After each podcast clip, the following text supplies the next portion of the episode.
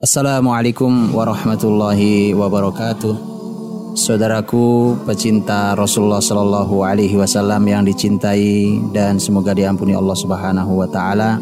Saat ini kita sedang membuktikan cinta kita kepada Rasul kita Muhammad Shallallahu Alaihi Wasallam dengan mempelajari setiap jengkal perjalanan hidup beliau. Kajian Sirah Nabawiyah ini dipersembahkan oleh Akademi Siroh dan Al-Fatih.tv. Ya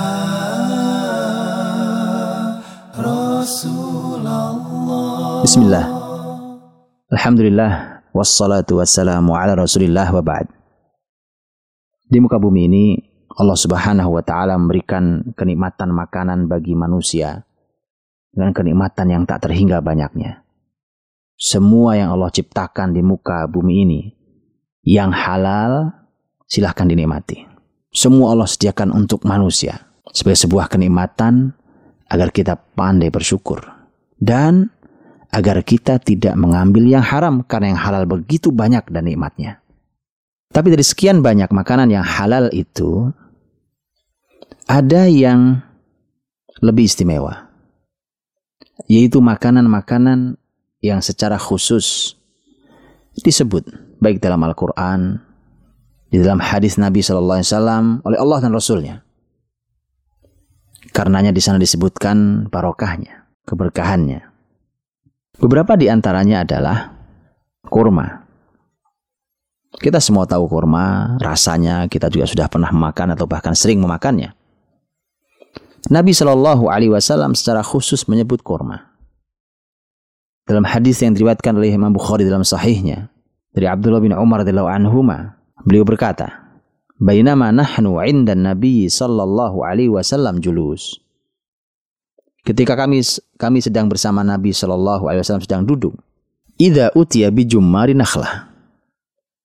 Nabi diberi mayangnya korma, yaitu awal untuk uh, buah-buah korma.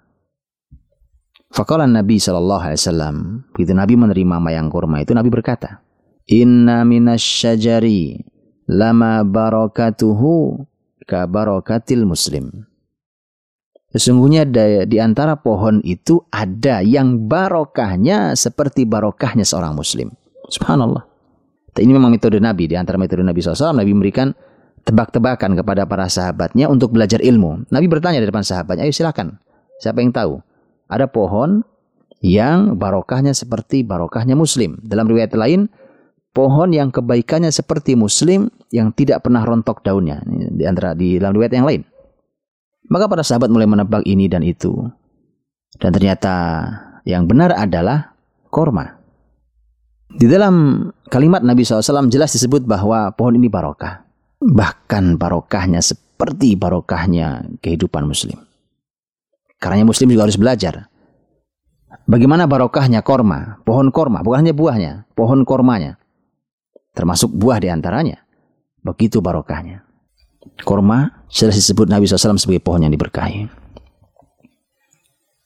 Zaitun. Zaitun juga kita tahu. Kita tahu buahnya, kita mungkin pernah menikmatinya. Minyak zaitun yang sangat terkenal itu. Pohon zaitun kita mulai melihatnya. Bahkan sudah mulai ada yang menanam di antara kita. Zaitun jelas disebut dalam Al-Quran Al Karim. Di dalam surat An-Nur ayat 35. Allah Subhanahu wa taala menyampaikan tentang syajarah mubarakah zaituna. Pohon yang diberkahi yang namanya zaitun. Bahkan sampai Allah Subhanahu wa taala bersumpah dengan menggunakan zaitun. Wattini zaitun. Demi tin dan zaitun. Zaitun disebut Allah Subhanahu wa taala sama dengan korma yaitu pohonnya yang diberkahi. Jadi bukan hanya buahnya, buah di antaranya zaitun adalah makanan yang diberkahi. Kalau dia dibuat menjadi minyak, dia bukan sembarang minyak, dia minyak yang diberkahi.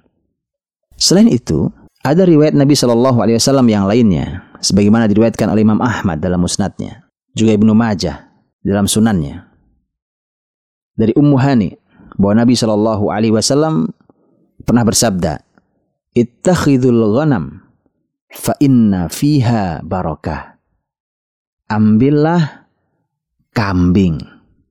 karena padanya ada barokah. Hadis ini dinyatakan sahih oleh Syalbani rahimahullah taala dalam silsilah al hadis sahih. Dalam riwayat yang lain Nabi SAW berkata pada Ummu Hani, Ya Ummu Hani, ittakhidhi ghanaman fa innaha tagdu wa taruhu bi khair. Wahai Ummu Hani, ambillah kambing, peliharalah kambing, karena dia berangkat pagi hari, pulang sore hari dengan membawa kebaikan. Subhanallah. Dan sekian banyak binatang yang bahkan halal dimakan, halal diminum susunya, ternyata kambing memiliki nilai barokah. Dalam kitab At-Tanwir Syarh Al-Jami' Saghir disebutkan bahwa yang barokah bukan hanya dagingnya. Wa barakatuha durruha wa nasluha wa sufuha wa likauniha min dawabil jannah. Yang barokah itu adalah susunya, kemudian beranak pinaknya, uh, sufnya yaitu kulitnya yang bisa dijadikan pakaian buat kita. Tentu di antaranya dagingnya, dikarenakan ia adalah binatang surga. Maka ini beberapa makanan, beberapa makanan yang disebut dalam Quran dan hadis Nabi SAW yang disebut barokah. Dan bukankah yang tadi disebutkan, korma, zaitun, kambing, ternyata punya nutrisi yang sangat amat hebat. Dan telah diteliti oleh banyak ahli hari ini. Dan begitulah, Allah lebih tahu. Rasul diberitahu melalui wahyu. Mana makanan-makanan yang berkualitas. Maka Nikmatilah ini. Nikmatilah makanan apa saja yang halal. Tapi nikmati pula makanan-makanan yang disebut Nabi secara khusus ini sebagai sebuah barokah buat hidup kita. Dan karenanya mari kita ambil berkahnya. Semoga Allah Subhanahu wa taala memberkahi kita semua. Wallahu taala a'lam bissawab. Untuk informasi yang lebih mendalam seputar Sirah Nabawiyah, silahkan kunjungi www.akademisirah.com. Ya Ya